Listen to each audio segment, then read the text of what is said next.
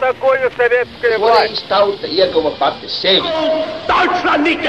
Liktenīgas nejaušības un slēptas likumsakarības, subjektīvas patiesības un objektīvi aizspriedumi. Pēc atkušņa nekad nenāk uzreiz pavasars, bet sākās Arī šodien cilvēki ir ļoti tūredzīgi. Viņi redz to naudu, kas ir. Televīzijā jau pamatā notiek cīņa par varu. Pagātne no šodienas skatu punkta un šodienas caur pagātnes prizmu. Raidījumā šīs dienas acīm. Katru svētdienu Latvijas radio eterā Eduards Liniņš. Labdien, cienījamie klausītāji! 1969. gada 13. aprīlī Rīgas centrā pie brīvības pieminekļa apmēram 20 gadus jauns cilvēks atritina plakātu Krievu valodā, uz kura ir rakstīts: Es protestēju pret Čehoslovākijas okupāciju. Viņš ir ar degvielu piesūcinātā apģērbā, uzrauj sērkociņu un aizdedzinās. Tas ir Rīgā dzimušais un līdz tam dzīvojušais ebreju students Ilja Rips.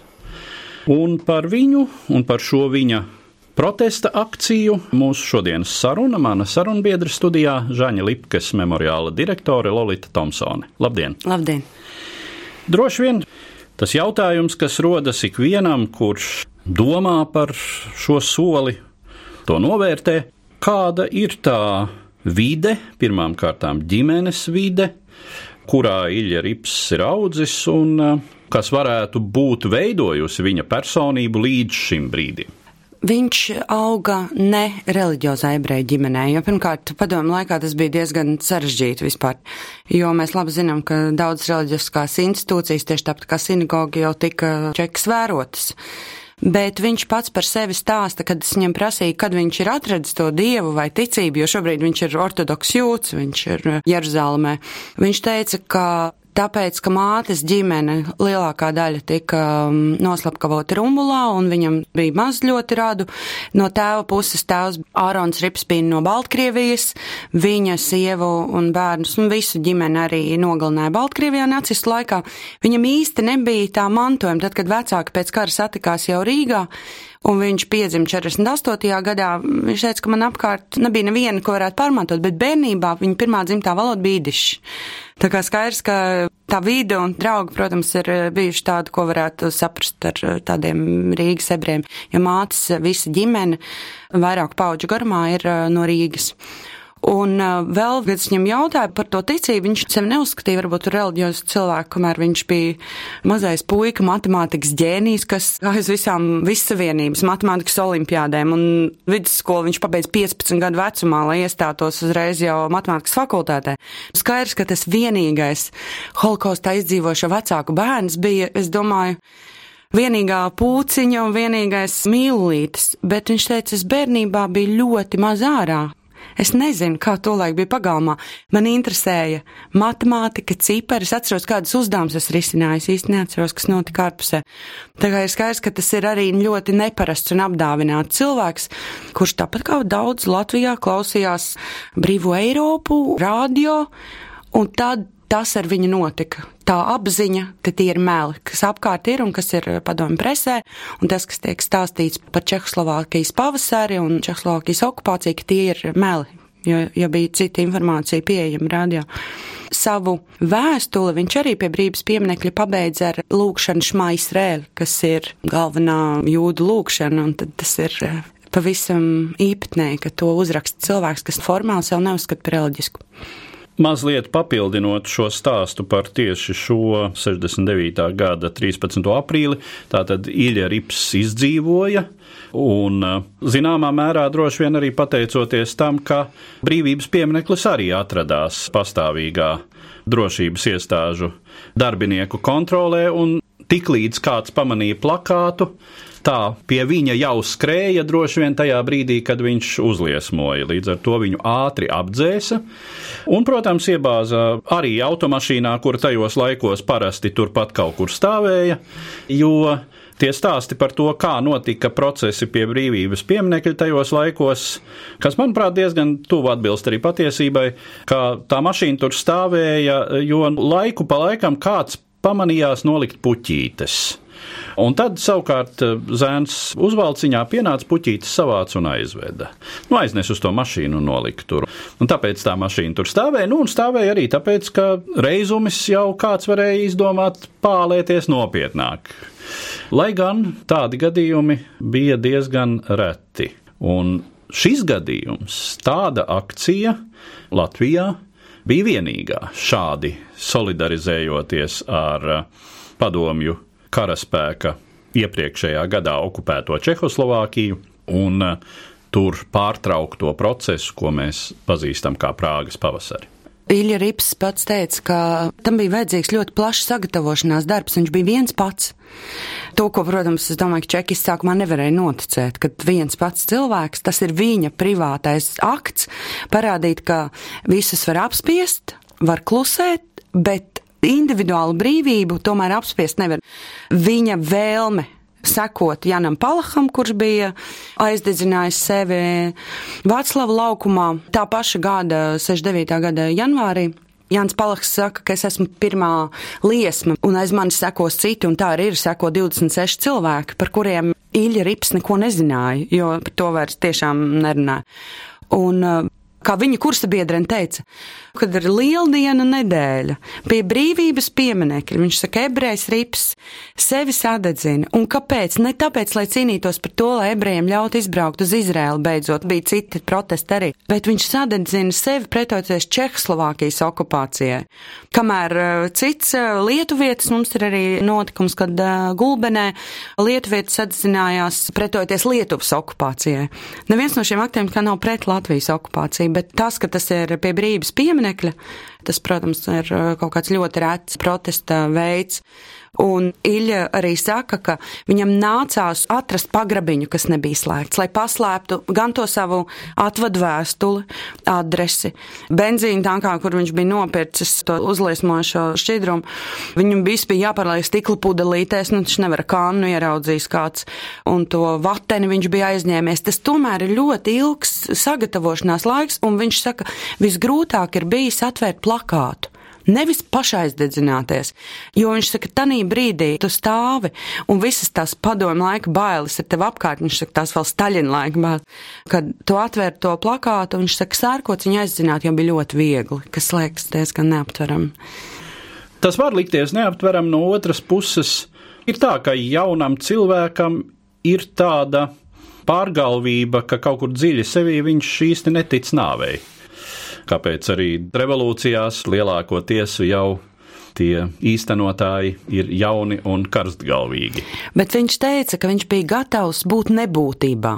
Tā kā neeksistēt, bet viņš nebija gatavs sēdēt cietumā. Un pēc tam, kad sākās visas tiesa ekspertīzes un psihiskajā slimnīcā, medicīna bija diezgan brutāla. Ja viņam sāktu špricēt līdzekļus dažādus, un viņš būtu ieslēgts jebkur Ļeņingradā vai citās vietās, kur ir tās slimnīcas, kurās tiešām ir brutāli, tie cilvēki jau neatgriezās vairs tādi, kādi viņi aizgāja. Viņam, protams, paveicās, ka viņš palika Latvijā, ka viņu atstāja tepat, un stāstot par šo lietu, viņam ir tik daudz tādas pateicības Latvijas cilvēkiem.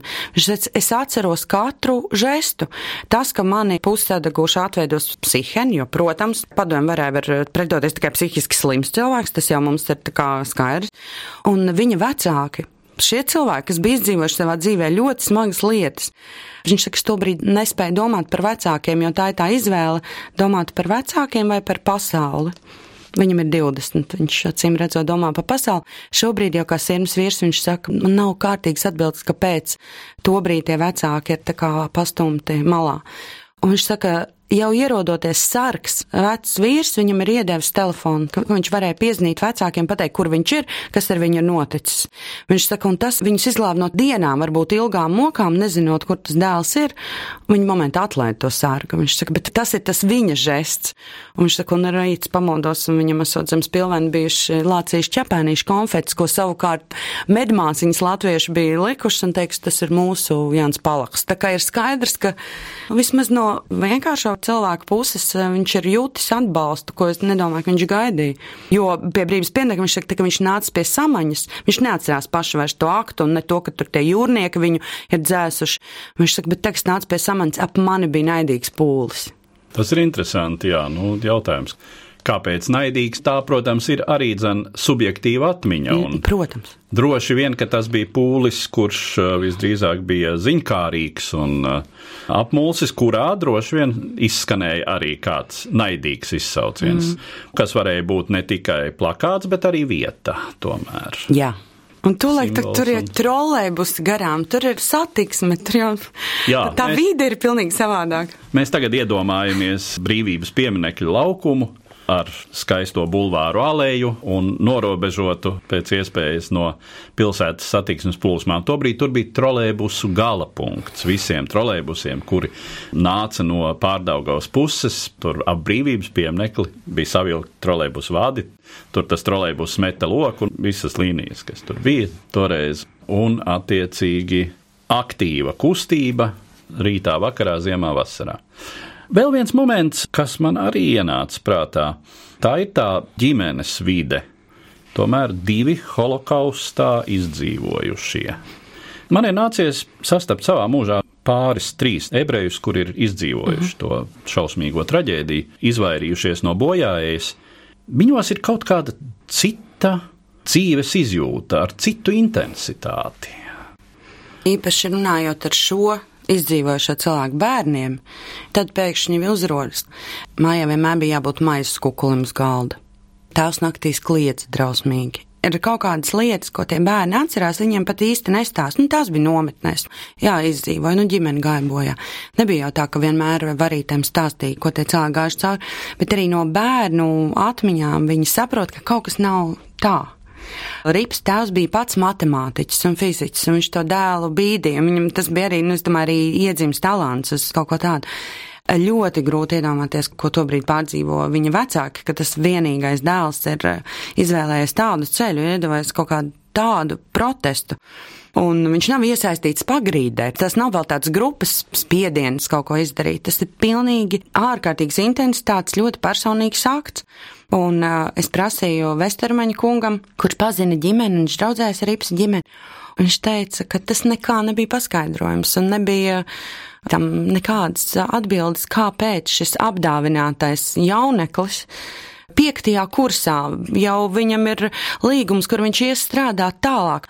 Pēc kaut kādiem padomju parametriem viņa dzīve, matemātiķa karjera, acīm redzot, var iet tikai uz augšu, un viņš to visu salauž vienā brīdī pie brīvības pieminekļa. Es viņam prasīju, nu, ko domā ebreju kopiena, viņš smējās, saka, kāda ebreju kopiena.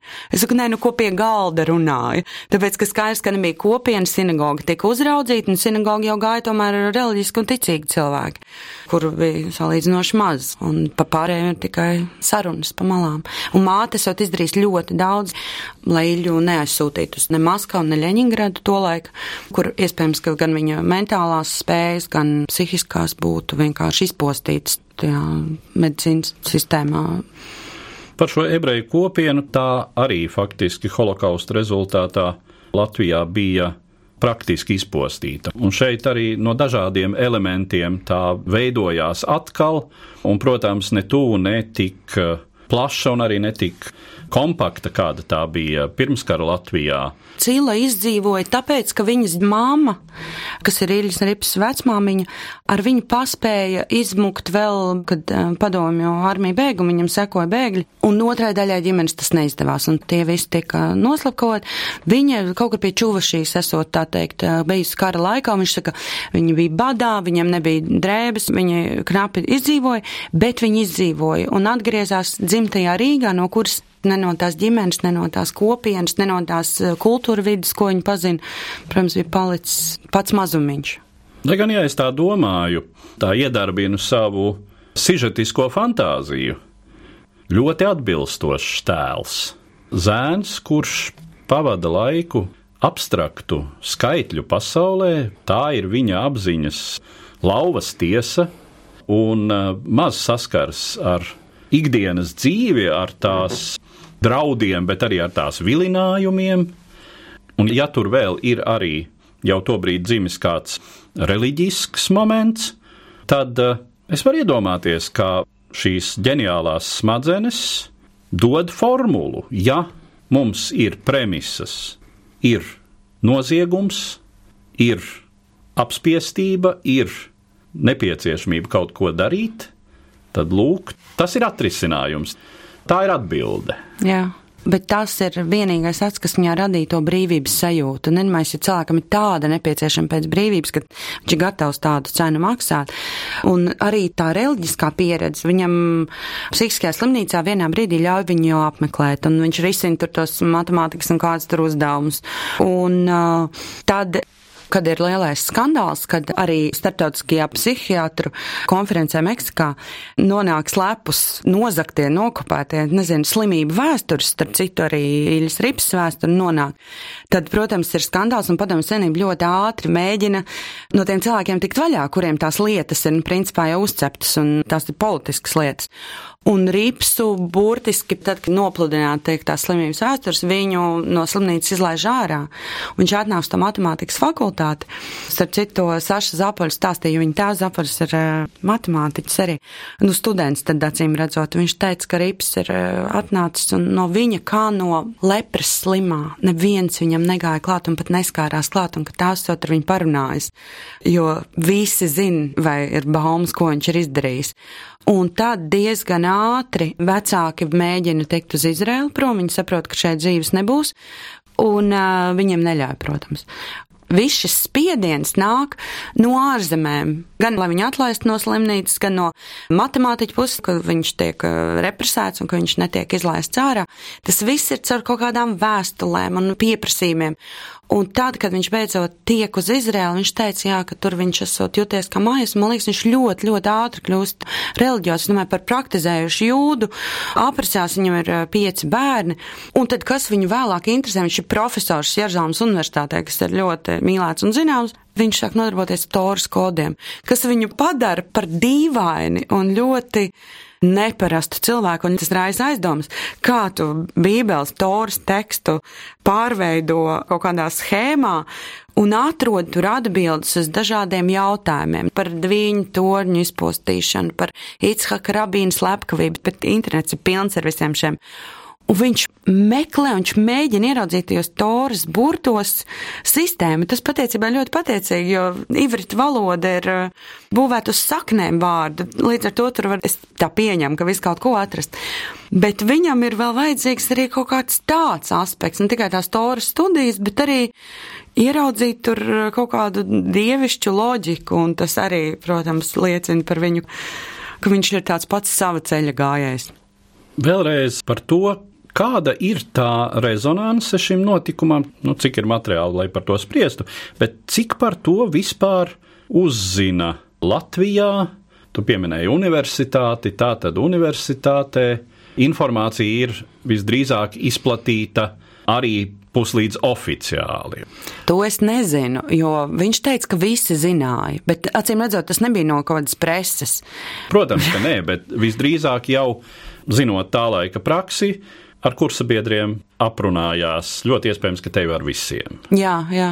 Un es domāju, ka tajā brīdī tas tika pateikts, ka viņš ir psihiski slims, gan jau kā lausta sirds, gan jau kaut kāda meitene viņa pamatus, kā tas bija arī Čehijas gadījumā. Mēs redzam ar Janu Palahu, uzreiz tiek izsludināts, viņš īstenībā gribēja sadedzināties ar to augstu uguni, bet viņam samainīja to, un tāpēc viņš tagad sadega, bet tā visa provokācija. Viņa māte iet uz tiesu, lai pierādītu, ka viņas dēls tiešām gāja, lai sadedzinātu sadegtu, lai pretotos.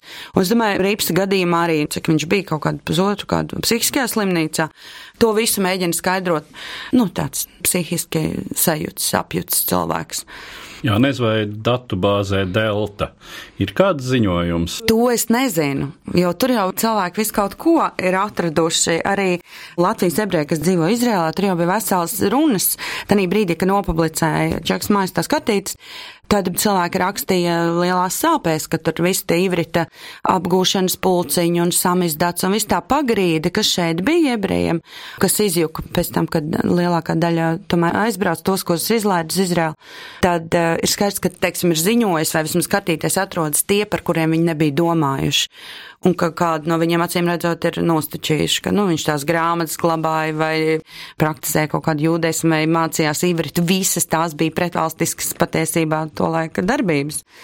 Un interesanti, ka Alvi Hermaņa lugā viņi ir paņēmuši Iļas Ripsa stāstu, tur ir tāda aina, psihiatriskā slimnīcā sēž tādi pārsvarā ebreju dakteri, Un Guna Zariņa, kas spēlē vienu no tām doktorienēm, viņa saka, nu bija tāds labs puisīts, šahā tik apdāvināts, un viņam iedod to Vjaliķu kušiešu zafriņiju, kas es pat nezinu, kā tulkojas, kad uh, lēni, lēni attīstošs, nezinu. Lēni progresējošs. Progresējošs, jā. Tāds, jā. Nu, kaut kas tāds, ko deva lielākai daļai. Nu, tā, tā nav briesmīga diagnoze, ar kuru var laist uz ielas. Teiksim, jā, jā, bet tur ir tas stāsts, un Alvi Hermaņa versijā viņš vienkārši pratinā zināšanas laikā, bet arī laikā, kad tie ārsti uzdod viņam jautājumu, viņš laik atbild ar pēcreiz konstitūcijas pantiem, kuri acīm redzot šajā gadījumā neviens no tiem netiek ievēroti. Tajā lugā ir ļoti maz tie disidenti. Tad Dīļa Rips ir viens no tiem, viņam, protams, ir mainīts vārds. Izrēla arī viņi zināja par Ripsu. Viņš saka, bet nu, tās ir vakardienas ziņas, viss tev jādzīvo tālāk. Vai tā laika visai pieticīgajā disidentisma ainā, kāda tā ir Latvijā, Vai šim ebreju disidentismam bija kādi specifiski momenti, kas to atšķīra no šīs vispārējās nepatikas pret padomju sistēmu. Noteikti, jo daļa no ebrejiem, kas organizējās, kur bija Silva Zalmansona un, un viss tā operācija kāzas, aizdīt lidmašīnu, lai nonāktu Izrēlā. Šobrīd mums varbūt liktos tas ir terorākts, kaut gan tur neviens netika šauts, viss bija izplānots tā, ka šie cilvēki gribēja vienkārši nolaupīt lidmašīnu, viens no viņiem mācēja to vadīt un doties, tā teikt, uz to savu apsolīto zemi. Un es prasīju, pie mums bija Mendi Levičs, kurš ir viens no šiem operācijas atsēdēja ļoti ilgi pēc šīs akcijas. Operācija neizdevās. Operācija neizdevās, par operāciju uzzināja, protams, pēcdienās, bet tas, ka viņi bija gatavi visi to darīt. Un es Silvēs Amundsonu saku, ebreja meitene no labas ģimenes, kādā veidā aizdīt lidmašīnu, tas ir kaut kas neticams. Un viņa saka, kāpēc tu domā, ka es esmu no labas ģimenes? Tas bija tāda ironija, bet viņai arī tas stāsts, ka viņai tas starp to izvēle ir, kad viņa gatavo to sēdienus, lai atstātu tēvam, jo viņa zina, ka tas var beigties vai nu, ka viņus nošauj, vai nu, ka viņiem izdodas, tad viņi vienalga ir prom, vai nu viņus visus vienkārši arstē. Un es prasīju tam Endlēvičam, nu kāpēc tie Latvijas ebreji, tur ir tā pagrīda un ivrit mācīšana un samizdats, un vēl viņiem, protams, ir saikne arī ar Pēterburgu ļoti cieši Ļeņigradu to laiku. Un viņi saka, man liekas, ka varbūt tāpēc, ka daļa mūsu vecāki vēl atcerās brīvības laikus. Jo viņi bija Latvijas ebreji. Tas nozīmē, ka daļa no tiem, kas izdzīvoja, bija vai nu izdzīvojuši nometnēs, vai viņi bija izdzīvojuši izsūtījumā, izsūtīti ebreji arī 41. gada, kas pēc tam atgriezās, vai viņi vēl atcerējās noscīti valsti, kurā ir saglabāts cilvēciskās tiesības un brīvības, un varbūt tāpēc arī viņus nevar tik viegli ielikt tajā padomju formā. Un arī tas, ka ir skaidrs, ka viens to neko nevar izdarīt, rips ir tādā ziņā izņēmums. Principā jau organizē pulciņus uz rumbulas sakopšanas talkām, kur veidojas arī šī ebreju aktīvā kopiena un varbūt tas zināmais protests. Ideja ir tāda, ka tu atnāc to talku, uz nākamo to jāatved vēl trīs vai pieci cilvēki. Un Un Mendelēvičs teica, ka priekš manis tās rumbulas talkas bija, ka es pēkšņi ieraudzīju citus ebrejus, kas ir līdzīgi domājoši. Ne visi no viņiem piekrita aiziet lidmašīnu, protams, bet tomēr veidojas kaut kāda jau saikne un apziņa, un arī tie samizdāti, viņi jau nav mūsu izpratnē politiski. Tur ir ebreju vēsture, tur ir dzēja, kaut kādi raksti. Tas nav kaut kāds, tagad mēs gāzīsim padomu varu, tas ir vienkārši apziņas veidošana, ka mums ir arī sava kultūra un sava piederība brīvību, un uh, tas, man liekas, ir um, varbūt tas, kas arī izceļ. Bet Dainis Ivāns pie mums lekcijā par brīvību, viņš arī teica, ka viņam bija zinām tā pagrīda. Viņš teica, ka mēs uzskatām, ka mums no šiem cilvēkiem ir jāmācās gan tā lojalitāte, gan tas, ka ir iespējams šo pagrīdu vai kaut kādu pretošanos vai drosmi pretoties veidot. Un lielākā daļa gan šo cilvēku pēc tam ir prom. Kas ir saprotams, jo tā bija te vienīgā iespēja izkļūt salīdzinoši lielam skaitam cilvēku no Padomju Savienības. Jā. Tā sacīt pa ebreju līniju. Jā. Prom no šejienes. Davids Zilbermans, kas par Žani Lipki un citiem arī ebreju glabējiem vāca materiāls jau 60. gados un izdeva samizdatā. Viņš tiek prom salīdzinoši vēlu, jau 70. gados arī viņš dodas uz Izrēlu un viņš tur sevi neatrod. Viņš pēc tam dzīvo Amerikā, un tagad no Amerikas brauc gan uz prēļiem, un ir veidojis to prēļu memoriālu un prēļu ebreju kapsētu, jo viņa viena no retajām ģimenēm prēļos ebreju, kas paspēja ar zirgu pajūgu, vienkārši dodas prom. Un viņš arī teica, viņam bija visādi pulciņi, viņi izdeva samizdatu, viņi vāca tos pēckara stāstus, tāpēc, ka neviens ar to nenodarbojās īsti. Padomu historiogrāfijā tas nebija nekādā veidā vajadzīgs. Protams, viņš bija, nu, Jabalonķis Sevičkam, nu, protams, viņš bija pretpadomju. Tā viņa nostāja bija ļoti pretpadomju. Viņš gribēja tikt ārā, viņš saka, uzskatīja padomu savienību cietums, bet kā tu tiksi ārā, viņiem arī tas bija ļoti sarežģīts posms. Jā, un te ir arī droši vien vērts piesaukt, ka joprojām šī vulgārā klišeja par to, ka Ebrejs tas ir pielāgošanās ģēnijs. Jā, jā, jā. Tas ir konformisma tīrradnis. Mēs nē, mēs nē, viņi. jā, mēs latvieši dziļi sevī vienmēr, Jā, bet tie jā. jā. Ir tie, kas At- pielāgojas, un tie, kas nē. Tieši visiem. tā. Un eh, kā vienā tā otrā gadījumā, protams, ir cilvēki, kas ir, var teikt, varoņi. Starp citu, cik lielā mērā tavā uztverē Ilja Rips, jeb šobrīd eh, viņa vārds ir Elija Rips. Jā, Elijahu, Elija latviski. Tātad, cik lielā mērā viņš atbilst eh, priekšstatam, atkal jau, protams, klišejiskam, bet priekšstatam par varoni, par varonīgu cilvēku. Viņš ir tik ļoti pazemīgs. Mēs kopā braucām, bija holokausta piemiņas diena, kur tradicionāli Latvijas un Igaunijas ebreji satiekās netālu no Telavivas muzejā. Un tie cilvēki tās paudzes kļūst ar vien vecāks un vecāks, un pēkšņi es saprotu, ka mēs stāvam gaidām to autobusu, lai brauktu uz turieni, un ka Ilja Rips, viņš izstāsta pēc rabīna, protams. Es teicu, vai viņš redzēja filmu par sevi, un kad man bija tik svarīgi tā sarunas ar viņu, un mēs kaut ko runājam, viņš teica, pastāstiet man par Rīgu. Viņš par sevi neko tā baigi nestāstīs, nu kā ir Rīgā un kā tur muzejā. Viņš bija tik ļoti pazemīgs un bez tā varoņa stāsta, kā kas viņam būtu bijis apkārt. Un viņš saka, jā, nu es braucu pieminēt manas mammas visus Rīgas rādus, kur tiek noslapko. Bet viņš tāds dziļdomīgs un, un smaidīgs. Un tanī brīdī, protams, gribas teikt, vai jūs aptvert, ka jūs esat varonis. Jūs esat tas, kas ir viens no cilvēkiem, kas spēja padomu varas laikā pateikt, ka nē, mēs esam pret, mēs neesam mieru, ka visus mūs nevar apklusināt. Jūs saprotat, ka jūs bijat tāda brīvības sveice, kura sadeg un var teikt, ka tam nebija nekādas jēgas, bet bija jēga, jo var redzēt, ka arī vāra tanī brīdī tomēr ir izbijusies, ka varbūt viņam ir sekotāji, varbūt ir vēl citi cilvēki. Un otrs puses Jānis Palaks Tad, kad viņš sevi aizdzināja, viņš arī ticēja, ka aiz viņa būs citi, kas sadegs, tāpēc, lai parādītu varai, ka visapkārt nav tikai konformisms, ka tā nav tā pakļaušanās, pielāgošanās. To ja viņš iedomāties nevarēja, ka Rīgas ebrejs izdarīs kaut ko tādu pie brīvības pieminekļa. Tur nav, man liekas, nekāda pragmatiskuma, un tā ir tāda ziedošanās, un man liekas, arī nu, mums visiem. Bet interesanti, ka tas rīpsa stāsts arī mums dzīvo, un dokumentālā filma bija Jāņa Putniņa dokumentālā filma Degošais. Iznāca viņa 2016. gadā, kas arī ir par rīpsu un intervijas un sarunas par viņu un ar viņu un, un Putniņa versiju. Es ļoti priecājos, ka šo filmu izrādīja, pirmizrāda bija 4. maijā, ka bija Neatkarības atjaunošanas svētki, Baltā Galdot svētki un, un Splendid Palace rādīja filmu tieši parādot, ka arī citi, ne tikai latvieši Latvijā, bet arī Īļa un arī bija citi, kam bija svarīga tā brīvība. Ar to tad mēs arī varētu noslēgt mūsu stāstu par Rīgas ebreju Ilju Ripsu, šobrīd Jeruzalemes Universitātes profesoru Eliju Ripsu un viņa aizdedzināšanās akciju 1969. gadā, protestējot pret padomju okupāciju Čehoslovākijā.